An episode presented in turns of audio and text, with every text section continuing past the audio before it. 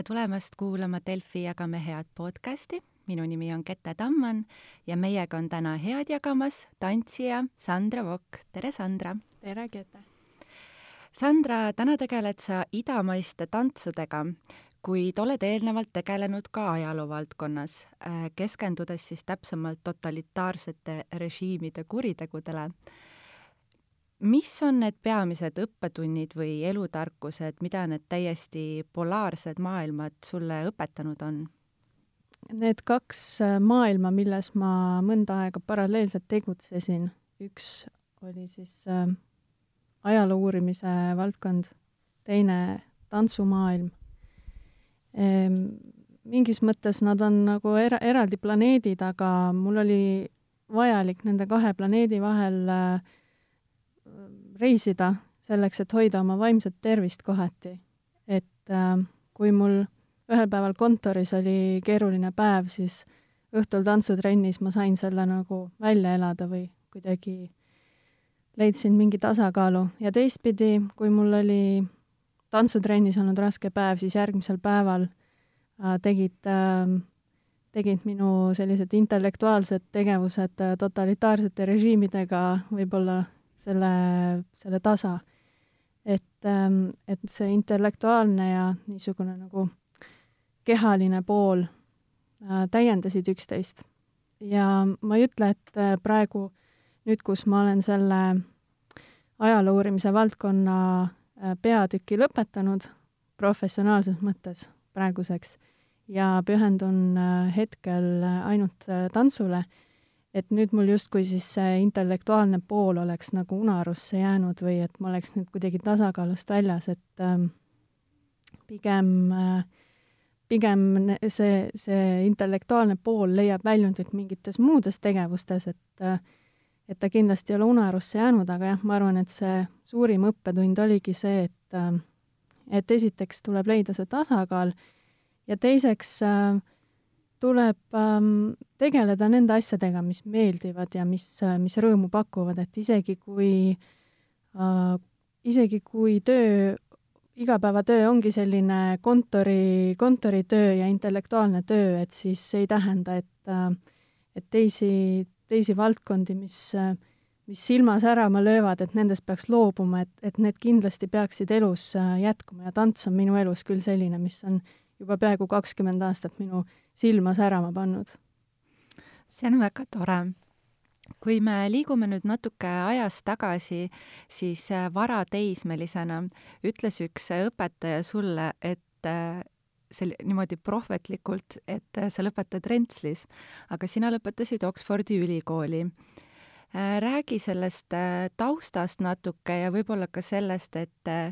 millist äh, mõju avaldab äh, noorele kasvavale kujunevale inimesele see, kui täiskasvanu talle sellise hinnangu annab? ma ei, ma ei, ma tahaks loota, et tema sõnad ei olnud prohvetlikud, et et äh, jah, et, et ta tõesti, üks, üks minu õpetajatest, minu põhikooli matemaatikaõpetaja tõepoolest nõnda ütles, et, ähm, et vaadake, see, see tüdruk mulle silma otsa, mulle silma vaadates ütles ta siis klassi ees, et vaadake, see tüdruk lõpetab Rentslis. aga, aga tema ennustus senini ei ole veel täide läinud, et, ähm, et äh, ma tõepoolest jõudsin ikkagi ülikooli ja, ja seejuures lõpetasin Oxfordi ülikooli magistriõpingud, et, ähm, et vähemalt selleks hetkeks ma ei olnud Rentslis. Ja, ja ma arvan, et ma äh, sellel hetkel tundsin nagu teatavat sellist äh, sellel hetkel, kui õpetaja mulle seda ütles äh,, justkui, justkui minult oleks midagi, mingid võimalused nagu ära võetud või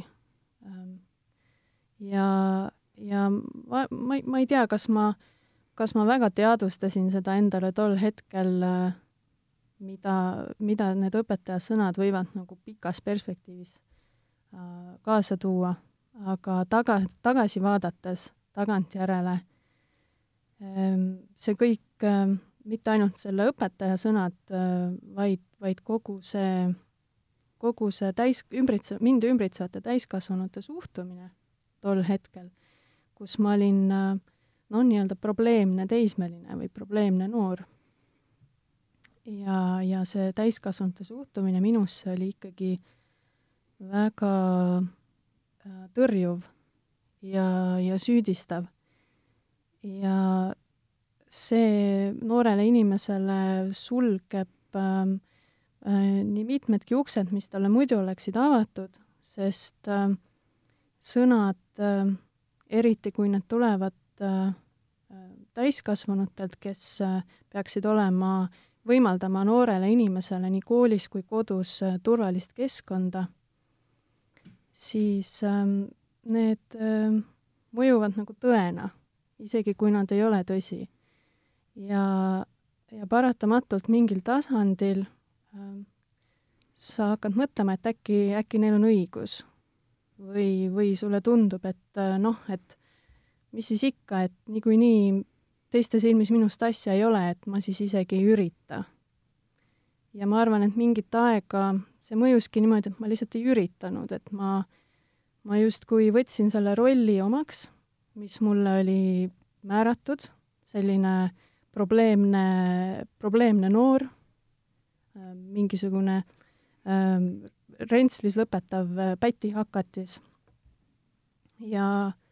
ja ma käitusin vastavalt aga, aga õnneks ma kuidagi ähm, jällegi keskkonnamuutuse tulemusena ma vahetasin kooli, needsamad õpetajad ei, ei ümbritsenud mind enam, mul ei olnud sellist äh, märki küljes uues koolis, et see ikkagi aitas mind sellest välja, et kui, kui tuletada meelde, no neid lugusid on väga paljusid, et et kuidas, kuidas, kuidas küla koerale, nõnda koer külale ja nii edasi, et et kui ikkagi inimesele mingisugune märk külge panna, siis ta tihtipeale hakkabki seda ise äh, välja näitama või käituma vastavalt sellele. ja ma arvan, et minule mõjus see mingit aega samamoodi.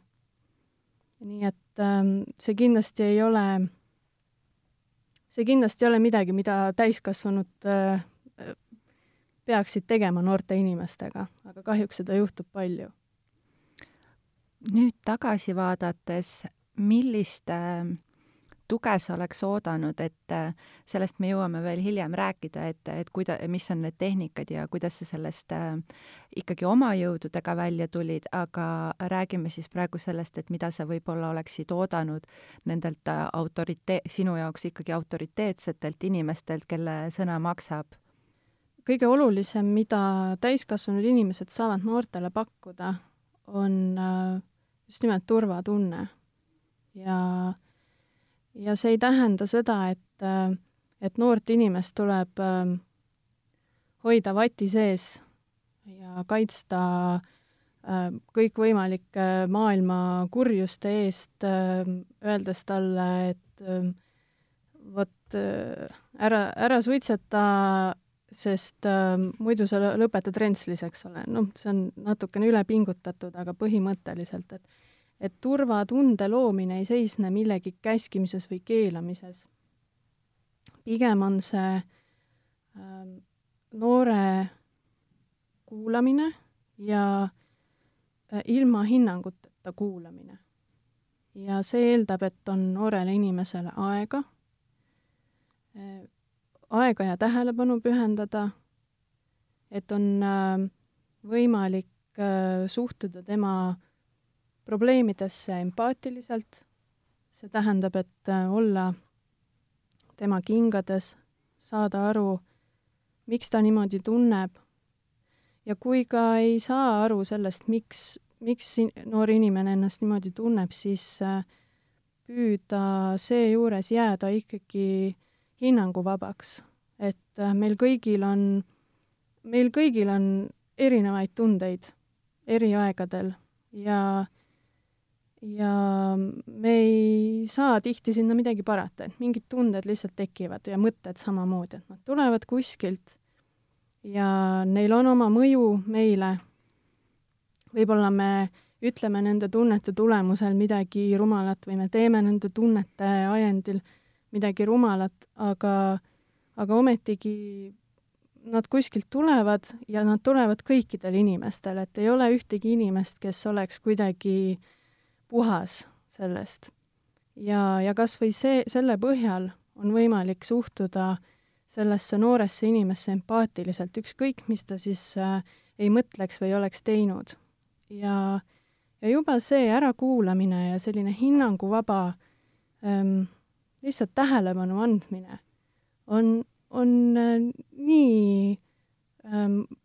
pöördelise tähendusega või, või nii olulise tähendusega, et seda, see on nii lihtne, aga samas seda kuidagi ei, selle peale ei tulda, et arvatakse, et peab väga aktiivselt sekkuma ja suunama ja, ja ütlema midagi või lahendama midagi. see ei ole tihti üldse vajalik see on äh, väga tore, et äh, nüüd, kui me oleme seda Jagame head äh, projekti teinud ja üritanud rääkida siis võimalikult palju headest asjadest, siis tegelikult seal on täiesti korduvad mustrid, mis tulevad välja, mida inimesed Äh, peavad äh, hea elu eelduseks. meie eelmises äh, saates oli külaliseks Pamela Maran, kes on rääkinud hästi paljude Eesti vanaemade ja vanaisadega ja sealt tuli samuti välja just see, et kõige olulisem on mitte nii väga an-, anda hinnanguid, sest seda me kindlasti inimestena kipume tegema ja samas on see ka süsteemselt sisse ehitatud noh, alates äh, lasteaiast, koolist, äh, töökohtadest, et seda on nii palju, et äh, aga vaimse tervise osas just, kuidas, kuidas sellega on erinevates keskkondades, kus me nii palju aega veedame, kool, töökoht, sõpruskond, perekond, sinu kogemuse põhjal, kas ja mis võtmes sellest räägitakse ja kuidas, kas inimesi haritakse sellel teemal? Minimaalselt. et äh, ma ütlengi, et mina pidin täitsa läbi suure kannatuse jõudma ise selleni, et äh, et, et mismoodi minu sisemaailm toimib ja kuidas ma siis oma vaimset tervist saan ise hoida. aga seda öö, äh, kodust kuulda õnnestub siis ainult, kui, kui lapsevanemad ise on äh, kuidagi kokku puutunud nende teemadega või, või on ise vajanud äh, niisugust äh, arenguprotsessi endas läbi teha, kus nad jõuavad selle äh, vaimse tervise hoidmise äh, tähtsuseni ähm,. seda kahjuks on vähe praegu ühiskonnas. koolides on täpselt sama, et äh,, et see oleneb tihti õpetajatest ja äh, ja on õpetajaid, äh, siis kui mina koolis käisin, siis ma ei, vähemalt minu kogemuses sellist, sellistel teemadel ei räägitud, aga aga praegu äh, jällegi enda, enda kogemuse põhjal on, on mitmeid õpetajaid, kes äh, on selle teema võtnud käsile oma õpilastega ja on teinud kas mingisuguseid konkreetseid programme oma klassis äh, või äh, harjutusi, et, äh, et sellist nagu süsteemset lähenemist praegu ikkagi koolides ei ole. ja, ja töökohas ähm, kahjuks ei pöörata ka piisavalt tähelepanu nendele teemadele, et et äh, siin on rohkem näha sellist nagu põlvkondade vahelist erinevust, et et nooremad on, ütleme rohkem avatud nendele teemadele ja, ja näiteks äh, huvitatud sellistest äh, äh, programmidest või koolitustest töökohtades, mis pakuvad äh, äh kas siis äh, oskusi enda stressiga toime tulla või ennast juhtida, enna enda tähelepanu juhtida, aga aga vanema põlvkonna puhul on äh, täheldatav ikkagi selline noh, et see ei ole nagu teema või et, et, ähm, et see on, see on kuidagi nii isik, noh, et, et jääb nagu suhtumine, et see on nii isiklik teema, et igaüks ikkagi ise umbes vaatab, kuidas ta hakkama saab. Ja, ja et töökohal siis ähm, on nagu on, kui kellelgi on raske, siis ta tegeleb sellega ikkagi töö kõrvalt äh, oma äranägemise järgi omal ajal, et, et, et see on nagu selline õrn teema, mida ei puudutata. ja, ja ühiskonnas laiemalt muidugi samamoodi, et kui ma pärast selle artikli ilmumist, kus ma, kus ma rääkisin oma isikliku loo ja ja, ja mis ma selle teema, mis ma vaimse tervise äh, poliitikast Eestis äh, või pigem nagu selle teema olematust poliitikast Eestis arvan, et ähm, pärast selle artikli ilmumist ma sain palju tagasisidet ka. Ja väga palju öeldi seda, et, äh, et, äh, et sellised ähm, ausad ja julged äh, lood aitavad ka nendel inimestel äh, kuidagi oma no mure või, või oma lugu väljendada, kes muidu, kes muidu seda ei julgeks teha, aga et neid inimesi on palju, kellel on äh, selliseid probleeme olnud ja kes, kes näevad, et on vaja sellega tegeleda.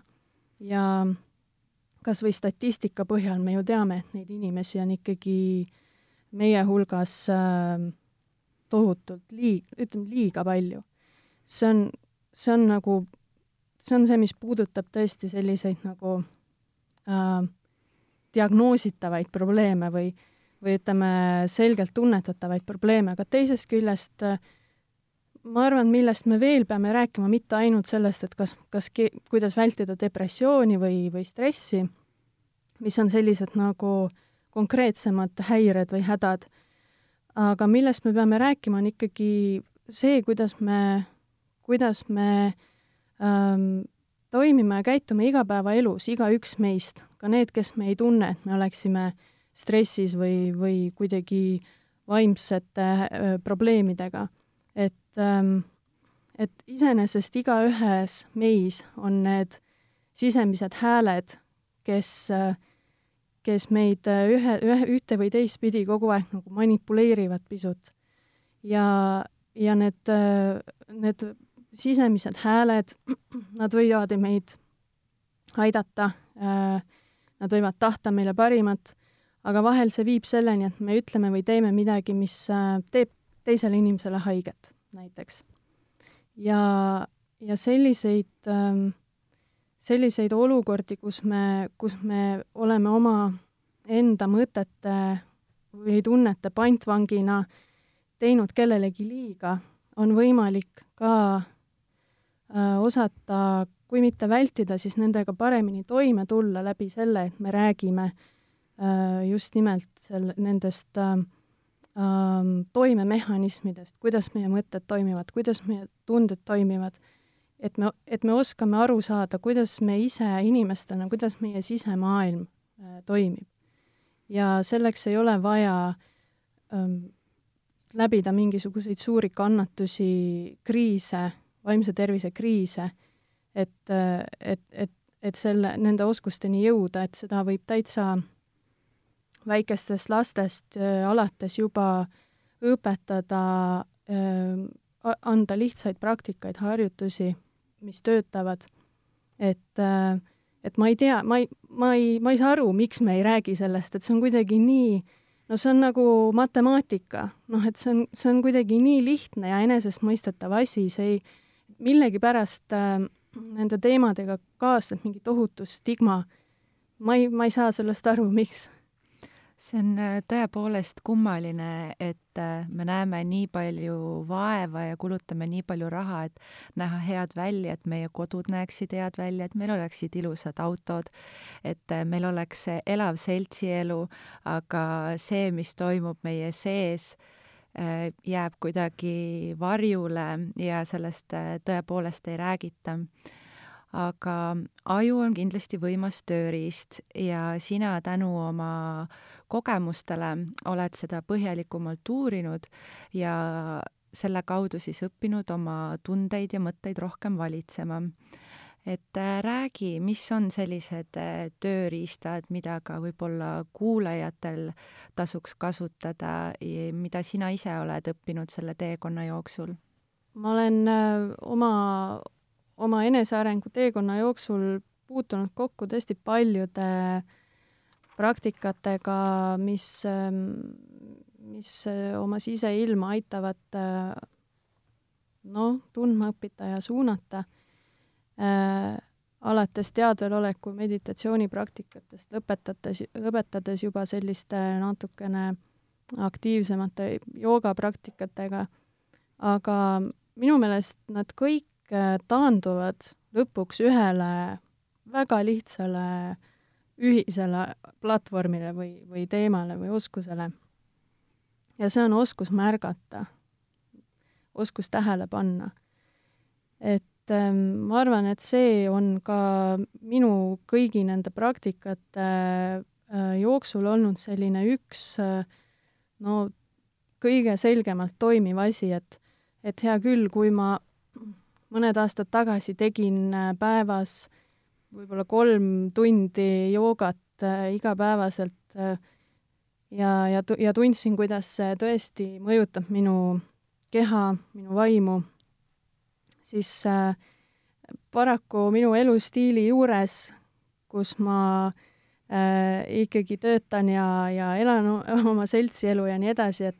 et seda kolme tundi joogapraktikat päevas oli väga raske järjepidevalt ikkagi jätkata, et tänaseks see on äh, jäänud seal kuskil ütleme, poole tunni peale hommikuti. aga ikkagi, mis ma nendest kõikidest äh, erinevatest praktikatest kaasa võtsin, ongi see, et ükskõik mis hetkel äh, märgata, mis minu kehas, sealhulgas minu mõtetes, toimub ja seda on äh,, alguses peab endale nagu meelde tuletama. aga mida rohkem seda, seda teha, seda iseenesestmõistetavamaks ta muutub. ja, ja kui ka ütleme, sellistes no igapäevastes situatsioonides nagu ühest kohast teise kõndimine või, või, äh, või ka siin äh, sinuga vestlemine, et, et mu tähelepanu on rohkem muudel asjadel, sellel, mida ma öelda tahan, äh, sellel, mida sa minu käest küsid, eks ole, aga aeg-ajalt tuleks endale ka meelde tuletada, kas ma hingan, ähm, kus kohas on minu jalatallad ja mis mõtted mul peas jooksevad. ja eriti kasulik on see tähelepanemise oskus sellistes situatsioonides, kus ähm, midagi ärritab. ja, ja, ja seda ma olen tähele pannud küll, et väga tihti, kui ma tunnen endas tekkimas mingisugust ärritust, no keegi ütleb midagi, see on tavaliselt selline kõige, kõige parem situatsioon, kus seda äh,, seda momenti tekitada, on äh, perekonna jõululauas. seal on alati keegi, kes äh, suudab ikkagi öelda midagi no mis lihtsalt paneb kõhus või kuskil sees, mingit nuppu see vajutab. ja, ja siis ei ole midagi muud vaja, kui lihtsalt olla tähelepanelik ja märgata. et ähm, et äh, normaalne või ütleme, ebanormaalne reaktsioon on see, et, et äh, et, et min-, keegi ütleb või teeb midagi, mis mind ärritab ja siis ma kohe nagu reageerin sellele, kas ma ütlen midagi vastu või äh, või ma reaalselt füüsiliselt olengi ärritunud, pulss tõuseb ja nii edasi, mul on halb enesetunne. aga see oskus äh, märgata aitab äh, tekitada sinna reaktsiooni ja, ja selle äh, ütleme, nupule vajutamise ja sellele, sellele re reageerimise vahele väikse pausi. ja, ja niimoodi on meil võimalik kasutada seda pausi selleks, et et et ähm, vastata mõistlikult või üldse mitte vastata. ja ma tean ka, et ähm, on, on selliseid äh, olukordi või, või, või muresid, probleeme, noh, minu käest üks ähm, inimene ka küsis, et, et, äh, et noh, et tal on, tal on ühe lähedase inimesega keerulised suhted ja ja see on juba pikka aega niimoodi olnud ja ainult hullemaks läheb. et äh, noh, mida teha, et, et mida, mida, mida ma saan ise teha, et öö, äh, olla noh, kuidagi parem öö, äh, osapool selles suhtes või sellega sellega toime tulla ja ma ei osanud midagi muud soovitada, kui et, ega ka pidanud vajalikuks midagi muud soovitada, kui et lihtsalt äh, ole tähelepanelik. Ja sellest märkamisest juba hakkab suur muutus pihta, et ei ole vaja teha mingeid elumuutvaid samme, hakata päevas kolm tundi joogat tegema või sõita kuskile kloostrisse või, või, või võtta omaks äh, elustiile või praktikaid, mis on ähm,, mis tunduvad võõrad, et et see märkamine, see on nii üldinimlik asi, see ei ole seotud mingite kultuuriliste eripäradega, see ei vaja mingit eraldi ettevalmistust, et see vajab lihtsalt äh, tähelepanelikkust ja tahtmist äh, tähelepanu, olla tähelepanelik ja sellest piisab ma täiesti nõustun, et minu arvates on ka see tähelepanu sellise võtmetähtsusega ja mitte ainult äh, probleemide lahendamisel, vaid üleüldse võib-olla mingisse järgmisse eluetappi jõudmisel, oma unistuste märkamisel. Eelmises saates meil käis läbi ka see, et inimesel on nagu selline ahvimeel, eks ole, mis äh, hüpleb äh, ühest kohast teise päriselt kunagi kohal olemata ja keskendumata, mis on tegelikult väga kurb ma ise olen just äh, viimase kuu jooksul, kus mul on meeletult kiire olnud, tundnud nagu seda kahjutunnet, et, et ma olen näiteks koolis loengus, aga ma tegelikult ei ole seal, kui ma teen näiteks tööasju samal ajal või kui ma leian selle nelikümmend viis minutit sõbrale, et hea küll, et tule äh, läbi, et joome kohvi ja räägime, ja kui ma tegelikult mõtlen, et saaks ma juba näiteks oma tööasju edasi teha. et äh, ma olen alati uskunud hästi väljapuhkamisse ja sellisesse mängimisse ja unistamisse. mis on äh, sinu elus need sellised äh, praktilised või tegelikult üldse mitte nii praktilised, vaid just sellised äh, asjad, mis aitavad siis rohkem puhata äh,, kohal olla ja keskenduda? Ma õnneks äh, elan keset loodust, nii et see on äh, kindlasti suureks abiks, eriti nüüd, kus ma oskan võrrelda metsas elamist ja, ja linnas elamist, et ma muidu olen äh, ikkagi suurema osa oma elust elanud linnas ja, ja, ja see ei ole võrreldav looduse keskel elamisega, et mitte ainult mitte ainult seetõttu, et sa näed enda ümber loodust ja rohelust, vaid juba see selline nagu äh, ümbritseva keskkonna nagu võnkesagedus on täiesti teine, et et, et linnas äh, see inimeste liikumine ja need meeleolud, et tee, mis tahad, nad ikkagi mõjutavad ja, ja, ja looduses olemine kindlasti on midagi sellist, mis, mis, mis minu jaoks töötab väga hästi. loomulikult ei ole see kogu aeg ja kõigil võimalik. Ja, ja siis ma arvan, on ka siis, kui ma ise elasin linnas, on, on väga abiks ikkagi jalutamine sellistes kohtades, kus on loodust, pargid ja, ja mererand ja, ja seda ma ise tegin väga tihti kui ma, kui ma elasin linnas. Ehm, teine asi on muidugi tantsimine, et et see on midagi sellist, mis on täiesti võrreldav äh, meditatsiooniga ja ja me teame, et paljud äh, ähm, meditatiivsed äh, praktikad on ka liikuvad. Ähm, jooga on üks näide, võib-olla natukene elavam äh, liikumine on äh, äh, sufide traditsioonis, need on siis ähm, islami ähm, sellise müstilise haru järgijad, kes püüdlevad ähm, kõrgema, kõrgema taseme poole või jumaluse poole siis läbi pöörlemise. ja seal on pikk muidugi filosoofia on seal taga, aga aga kui see nagu väga öö, üldistades kokku võtta, siis nad sisuliselt öö, öö, pöörlevad justkui, justkui tantsijad ühe koha peal ümber enda ja, ja seekaudu siis viivad ennast sellisesse seisundisse, kus nad tunnetavad, kus, kus nad ületavad siis oma sellise füüsilise oleku. et äh, tantsimine on minu jaoks kindlasti üks selliseid viise, kus ma kogen seda endast äh, justkui enese äh, ähm, ületust või oma mõtetest vabanemist, võiks niimoodi öelda, et et mis see enese enese nagu mm, ületus ongi kui, kui mõtetest vaba olek ja, ja tantsi, tantsimise äh, nagu ka teiste selliste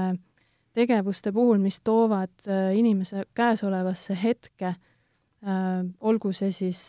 jalgrattasõit või mägironimine või äh, tikkimine või jumal teab mis,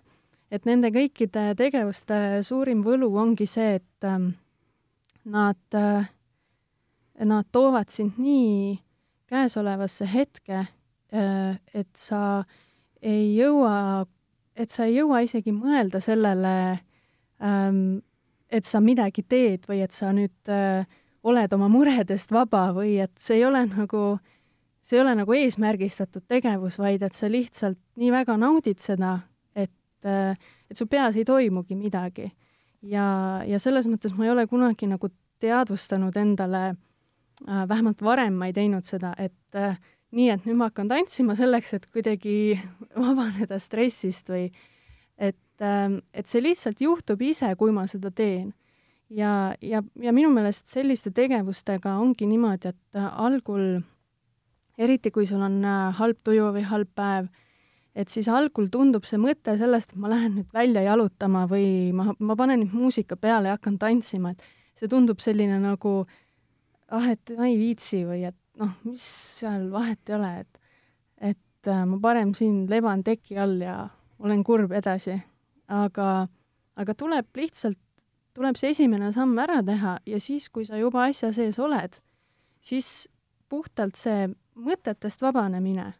sellest oma nagu sisehäälest kuidagi lahti saamine äh, ongi see, et, et seda, selle, selle sisemise äh, ütleme, muretsejaga ei saagi kuidagi teistmoodi tegeleda, kui lihtsalt, kui lihtsalt lasta tal, lasta tal kõrvale jääda selle, selle mingisuguse muu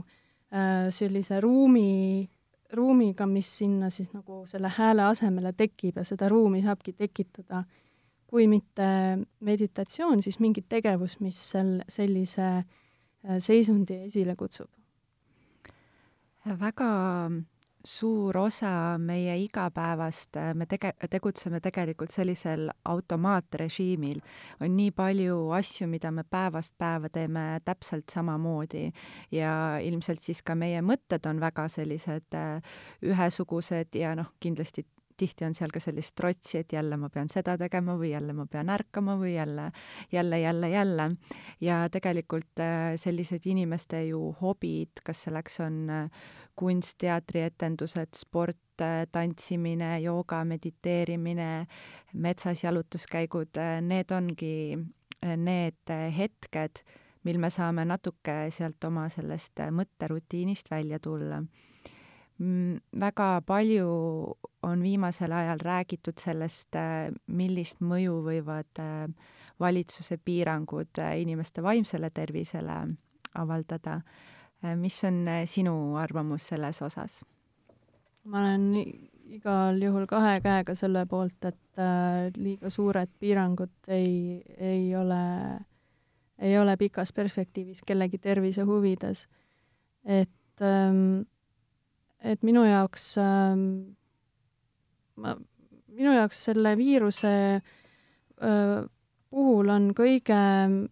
ütleme, murettekitavam just see, et kuidas me nagu, kuidas me seame neid ähm, prioriteete. Ja, ja ühest küljest ähm, me soovime säästa elusid nüüd ja praegu ja see on arusaadav äh,, päästa elusid, säästa elusid. Teisest küljest äh, me peame ka vaatama pikka perspektiivi, et, et kuidas, äh, kuidas need äh, tänased otsused mõjutavad inimeste elu ja tervist kahe kuu, kahe aasta pärast, kahekümne aasta pärast. ja no loomulikult äh, keegi ei oska tulevikku ennustada, keegi ei, ei näe ette, kuidas äh, mingisugused äh, otsu-, tänased otsused täpselt homset päeva mõjutavad, aga samal ajal meil on piisavalt palju äh, infot ja tõe, tõestust selle kohta, et äh, see kriis juba täna mõjutab inimeste vaimset tervist, juba täna me näeme pere, peredes on rohkem vägivalda või on, ütleme, järsemad tagajärjed sellel, et, et see kõik on, et see kõik on murettekitav ja, ja mina äh, ma ei ole muidugi äh, otsustaja selles küsimuses ega ka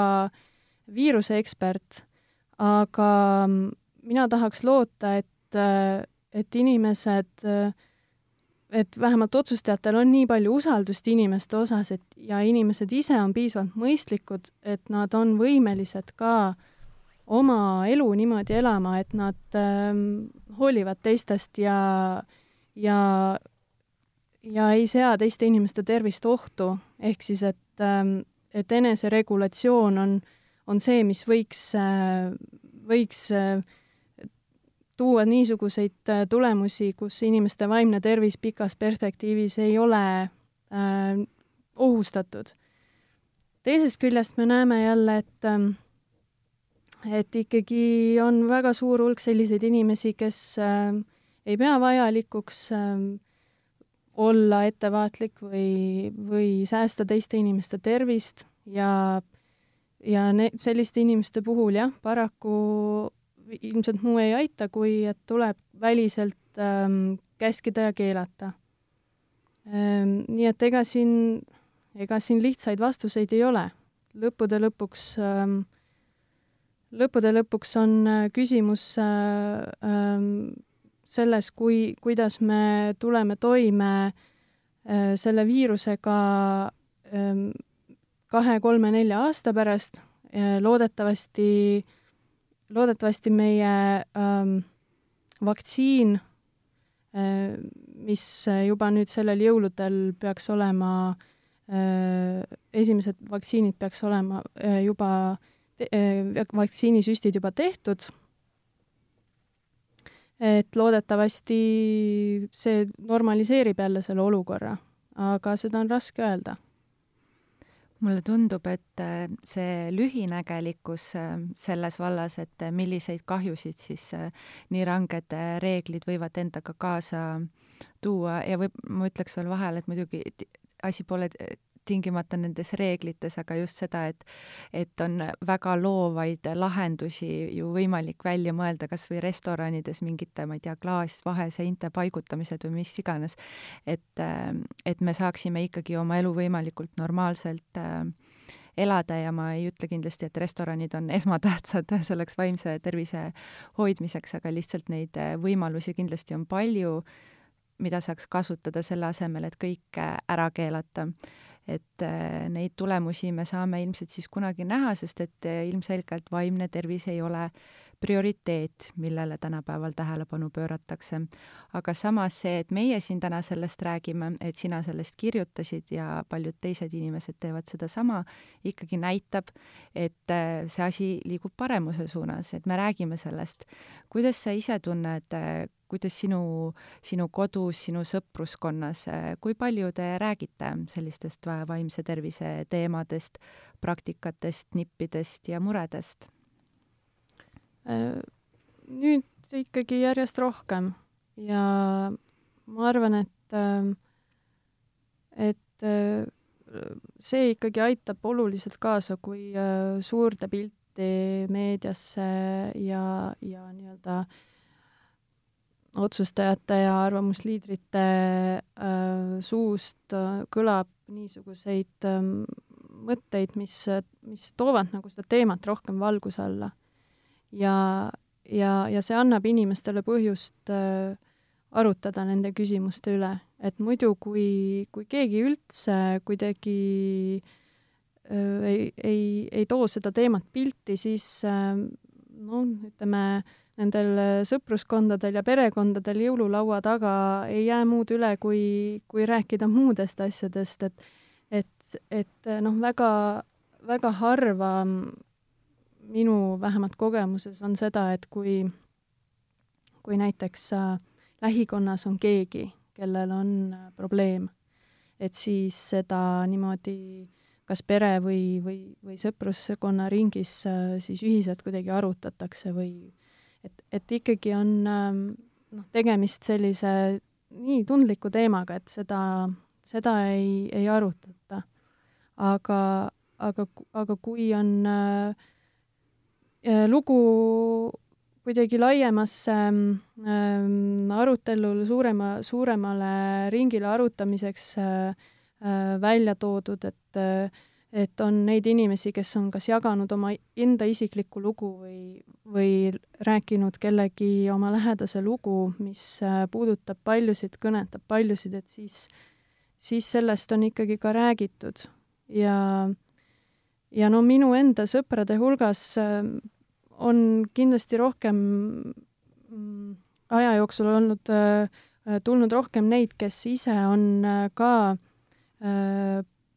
kas isiklikult pidanud mingisuguse olukorraga toime tulema, mis on nõudnud selliseid ähm, vaimset tervist toetavaid oskusi, ähm, siis, siis selle tulemusena on ka neid vestlusi rohkem ja äh, ja noh, ma tahaks loota, et, et meie seltskond, see minu seltskonnad ei ole ainsad, et kindlasti neid on veel. ja, ja jällegi ma arvan, siin on see põlvkondade küsimus on, tuleb nagu hästi esile, et nooremad põlvkonnad ikkagi äh, on avatuma, avatuvamad nendele teemadele, et, et vanemad põlvkonnad ähm, mitte niivõrd, et see on ikkagi üsna, üsna suur tabu veel. Mina tunnen äh, samamoodi, et äh, ma olen näinud, et mina ilmselt olen inimene, kellele minu sõbrad äh, jagavad, kui nad, kui nad tunnevad, et neil on vaja rääkida ja mina üsna kõht-, kõhklemata tunnen ka, et kui minul on mingi probleem või, või ma tahan just kuulda, et aga kuidas sinul sellega on, sest see samastumine ja tunne, et ma ei ole milleski ju ainukene, see alati pakub seda lohutust ja, ja seda mm,, ei teki seda stigmatiseerimist, et, et ma olen kuidagi nagu imelik või vale. Aga, aga see häbitunne on ikkagi nii sügaval sees ja ilmselt see on selline äh, kuidagi meie kollektiivses mälus kuidagi.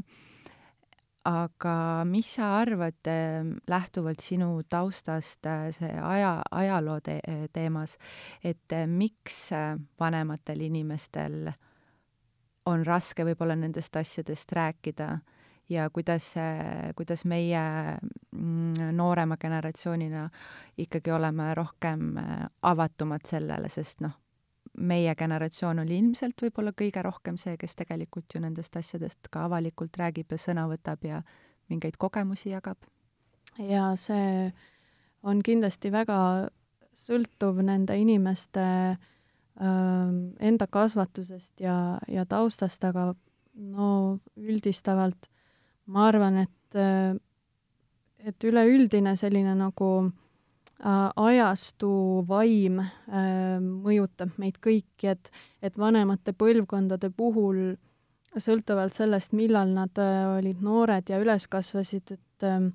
et kui me räägime Nõukogude ajast, et siis see, see aeg üleüldiselt oli selline ähm, nagu topeltelu või, või, või kaksikelu elamine, et oli, oli selline väline avalik pool ja siis oli kodune varjatud pool ja, ja väga selge oli, et on asju, millest äh, tohib rääkida ja on asju, millest ei tohi mitte kunagi rääkida. Ehm, noh, sellis, selliste vaimse tervise probleemide puhul ma arvan, et äh, et ega nendest kodus ka väga ei räägitud ja, ja siin äh, noh, võib põhjuseks tuua ilmselt selle, et et need olid teemad, mis, mida peeti nagu seksuaalsustki hästi isiklikuks või, või ka näiteks ähm, noh, igasugused puuded. et, äh, et inimene ikkagi ähm, tahtis äh, äh, olla ja välja paista äh, selline, nagu ühiskond temalt ootas, noh, see ei ole muidugi muutunud, eks me praegu igaüks tahame seda ka et me tahame ikkagi sobituda, sulanduda ja, ja olla, tunda, et me kuulume kuhugi. ja eks äh, sellised äh, noh, probleemid ju mingis mõttes äh, välistavad kuhugi kuulumist. Et ja, ja noh, vaimse tervi-, vaimse tervise probleemid kahtlemata aastakümneid tagasi olid ikkagi suuremad probleemid või, või suurem, suurema häbimärgiga, kui nad on täna. et ei ole ju mingi saladus, et, et ähm, vaimse tervise häireid äh, või selle, ütleme, vaimse tervise probleemide diagnoosi kasutati ka ähm, poliitiliste vaenlaste vaigistamiseks, et äh, oli äh, täitsa tavaline ähm, praktika saata nii-öelda teisiti mõtlejaid äh, siis ähm, jutumärkides hullumajja. ja, ja kogu sellisel, ütleme, noh, vaimse tervise ähm, häirel või, või probleemidel oli ikkagi selline väga negatiivne maik küljes. ja ma arvan ka seda, et, ähm, et ega see ei ole, ei, ei ole ainult äh, kuidagi Nõukogude ühiskonnale omane, et, et see oli, sarnane suhtumine oli ähm, varasematel aegadel ka mujal maailmas ja, ja paljudes kohtades on see tänamaani, tänaseni säilinud, et, et tegemist on ikkagi ähm, teemaga, mis äh, inimese jaoks justkui, et kui äh,, kui temal, kui tal selline märk korra külge saab, et ta on vaimse tervise häirega, et siis see oleks justkui kriminaalkaristus või midagi, et see justkui määrib tema mainet mingit moodi. Ja, ja ma arvan, et äh, täna me oleme sellest ikkagi välja tulemas tänu sellele, et sellised teemad, äh, selle kõrval ka näiteks seksuaalsuse teemad, no need on, need on üsna lähedalt seotud ju kohati. Aga, aga et mida rohkem me nendest räägime ja, ja justkui saame aru, et, ähm, et see ongi osa inimeseks olemisest, et need on väljakutsed, millega me kõik tegeleme, et need ei ole kuidagi teatud äh, noh, katkiste inimeste probleem või pärusmaa ja siis on ülejäänud, kes on normaalsed ja terved. et, et need on asjad, mis meid kõiki puudutavad ja, ja mida rohkem me, mida rohkem me seda teadvustame ja just jagame ähm, oma kogemusi ja lugusid ja saame aru, et keegi meist ei ole üksi nendes asjades e, ja üritame mõista neid, kellel on ähm, kellel on raske, kellel on raskem võib-olla kui paljudel teistel ja kuidagi nagu aru saada, et, äh, et see ei ole seotud selle inimese äh, äh, nagu ainult selle inimese eripäraga kuidagi äh,, vaid et see on midagi, mis on meile kõigile ühine, mõnel ta lihtsalt avaldub äh, teatud põhjustel tugevamalt või konkreetsemalt, aga aga, aga need väljakutsed on meis kõigis või ütleme, et me, me kõik oleme vähemal või rohkemal määral äh, sama mm,, samasuguse probleemiga vaimne tervis kui selline puudutab äh, kindlasti meid kõiki, sõltumata, millisesse ühiskonnagruppi me kuulume või kui vanad me oleme. ma väga loodan, et äh,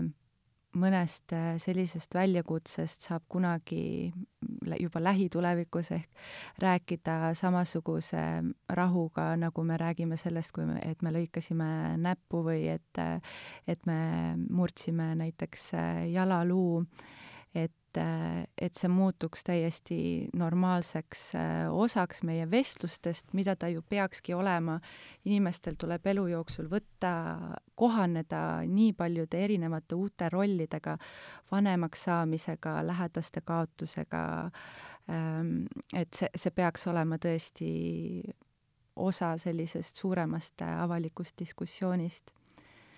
uuel aastal on kombeks ikka Äh, tuua oma ellu uusi alguseid äh, nendesse kohtadesse, kus seda kõige rohkem vaja on. mida sina soovitaksid inimestele, kes äh, tunnevad hetkel mingit häbi või lõksus olemist, sõltuvalt siis oma väljakutsetest vaimse tervise valdkonnast, kust nad võiksid alustada? jaa, raske on soovitada üldiselt paljudele inimestele korraga. et ähm, ma saan ainult, ma saan ainult öelda, mis minu puhul toimib ja, ja mida võib proovida. et ähm, et ma seda enne mainisin ka ja, ja minu jaoks on äh, esmane nagu lahendus või, või soovitus on äh, hakata tähele panema, hakata lihtsalt tähele panema oma mõtteid ja, ja teha seda sellise nagu heatahtliku uudishimuga. ja lihtsalt äh, võtta seda kui nagu teadlase ekspeditsiooni, et äh, et äh, no ma olen, ma olen antropoloogi haridusega, et meil on äh, selline nagu välitöö on osa meie väljaõppest ja ja siis mingis mõttes nagu antropoloogid lähevad välitööd tegema, et äh, vaatlevad siis neid ähm, neid konkreetseid inimesi näiteks, keda, keda nad on läinud uurima ja, ja lihtsalt äh, märkavadki, panevad tähele, mida nad teevad. ahah nüüd ta ütles seda ahah, nüüd ta tegi seda. vaat kui huvitav. et umbes samasuguse suhtumisega võiks äh, uurida ka enda mõtteid. ahah, nüüd äh, minu pulss tõusis praegu selle peale. ahah, nüüd mul tekkis niisugune mõte praegu. vaat kui huvitav. ja, ja sealt edasi, sealt edasi on juba vastavalt sellele, mis kellelegi rõõmu toob, ähm, tegeleda, tegeleda millegi sellisega, mis, mis tõesti, mis tõesti rõõmu toob ja viib äh, tähelepanu kuskile mujale kui enda mõtetega, aga esimene samm ja soovitus on kindlasti märkamine. ma arvan, et see on äh, väga hea algus ja kindlasti äh, mitte ära ehmatada, mida, mida te märkate vaid äh, just hinnanguvabalt äh, õppida ennast äh, tundma sellises teatavas vaikuses. ma soovin sulle ja kõigile kuulajatele väga harmoonilist uut aastat oma sisemaailmas. suur tänu sulle, Sandra, tulemast, aitäh kuulamast! aitäh kutsumast! ilusat uut aastat!